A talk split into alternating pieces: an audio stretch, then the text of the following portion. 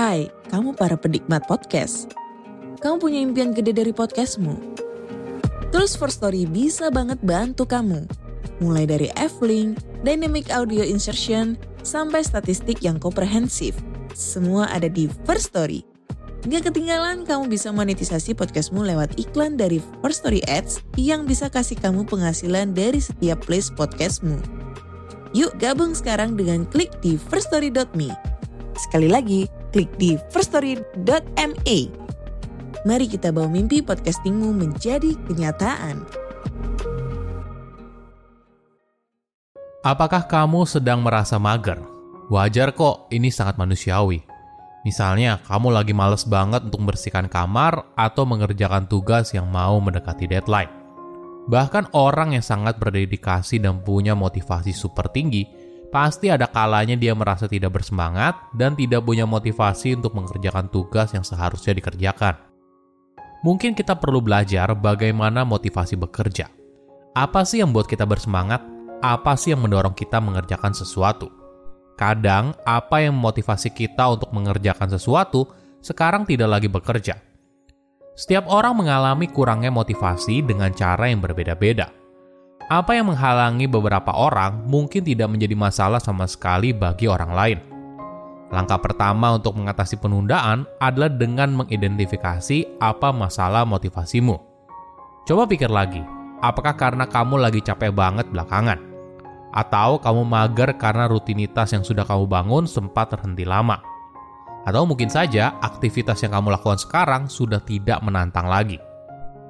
Halo semuanya, nama saya Michael. Selamat datang di channel saya, Si Kutu Buku.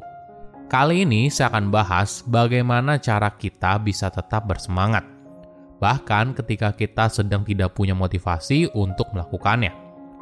Ini merupakan rangkuman dari video TED Education yang berjudul How to Get Motivated Even When You Don't Feel Like It dan diolah dari berbagai sumber. Memotivasi diri sendiri itu tidak mudah. Mencoba mempertahankan semangat dalam menjalani sebuah tugas, proyek, atau bahkan karir, terkadang terasa seperti menarik diri keluar dari pasir hisap sendirian. Mungkin secara alamiah kita punya keengganan untuk terus-menerus mengerjakan sesuatu secara konsisten, tidak peduli berapa banyak poster inspiratif yang kita pajang. Tapi jika kita bisa memotivasi diri secara efektif, maka hal ini yang membedakan orang sukses dan orang biasa. Jadi, bagaimana kita bisa terus mendorong diri, bahkan ketika kita tidak punya semangat untuk melakukannya?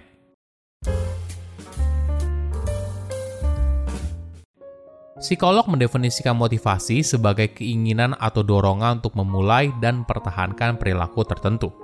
Dengan kata lain, energi itulah yang mendorong kamu untuk melakukan sesuatu. Dan mengetahui sumber penggerak tersebut sangatlah penting dalam memahami bagaimana cara menjaganya agar tetap ada. Secara umum, kekuatan motivasi terbagi dalam dua kategori besar, intrinsik dan ekstrinsik. Motivasi intrinsik yang berasal dari dalam diri biasanya muncul karena aktivitas ini pada dasarnya kamu sukai atau menyenangkan. Sebagai contoh, kamu suka menggambar. Kamu tidak menggambar karena kamu dibayar atau ingin dipuji oleh orang lain, tapi kamu melakukannya karena kamu memang merasakan kesenangan dan kepuasan ketika sedang menggambar. Sedangkan motivasi ekstrinsik adalah motivasi kamu mengerjakan sesuatu karena adanya dorongan dari luar diri, entah untuk mendapatkan hadiah atau takut menghindari hukuman. Faktor pendorongnya bisa beraneka macam, bisa uang, penghargaan, nilai yang bagus, atau pujian dari orang lain. Bayangkan seorang siswa yang belajar dan berusaha untuk dapat nilai A. Mungkin saja dia tidak menyukai belajar, tapi siswa tersebut tetap belajar dengan sungguh-sungguh karena dia tidak ingin mengecewakan orang tuanya atau malah takut dihukum apabila dapat nilai jelek. Ketika bicara soal motivasi, apalagi memberikan motivasi pada orang lain, kita sering kali bergantung pada hadiah dan hukuman. Kita menganggap memberikan hadiah merupakan motivasi yang kuat untuk mendorong seorang tapi sayangnya, efektivitasnya justru tidak bertahan lama. Sebuah riset pada tahun 2017 menemukan mereka yang sangat terobsesi pada hasil resolusi tahun baru atau didorong oleh motivasi ekstrinsik sering kali bukan orang yang berpegang teguh pada revolusi tersebut. Namun, faktor penentunya justru seberapa besar seorang menikmati perjalanan menuju tujuan yang diinginkan. Dengan kata lain, kamu lebih mungkin akan terus berolahraga jika kamu mengambil kelas olahraga yang kamu sukai daripada olahraga yang dianggap bisa menurunkan berat badan dengan cepat. Penelitian selama bertahun-tahun justru menunjukkan kalau motivasi ekstrinsik yang tinggi, entah dalam hal sekolah, bekerja, atau berolahraga, cenderung lebih mungkin kamu lakukan dalam jangka panjang. Menariknya, jika pada dasarnya kita sudah punya motivasi intrinsik, menambah dorongan dari motivasi ekstrinsik justru tidak membuatnya jadi lebih baik. Sebaliknya, hal ini justru malah lebih buruk. Para psikolog menyebut fenomena ini sebagai efek pembenaran yang berlebihan, over justification effect.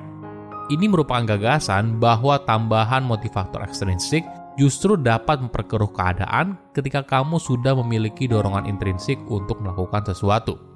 Misalnya, kamu pada dasarnya suka menulis, tapi ketika kamu bekerja sebagai penulis dan dibayar secara profesional, mungkin saja hal ini malah membuat kamu tidak bersemangat lagi dalam menulis.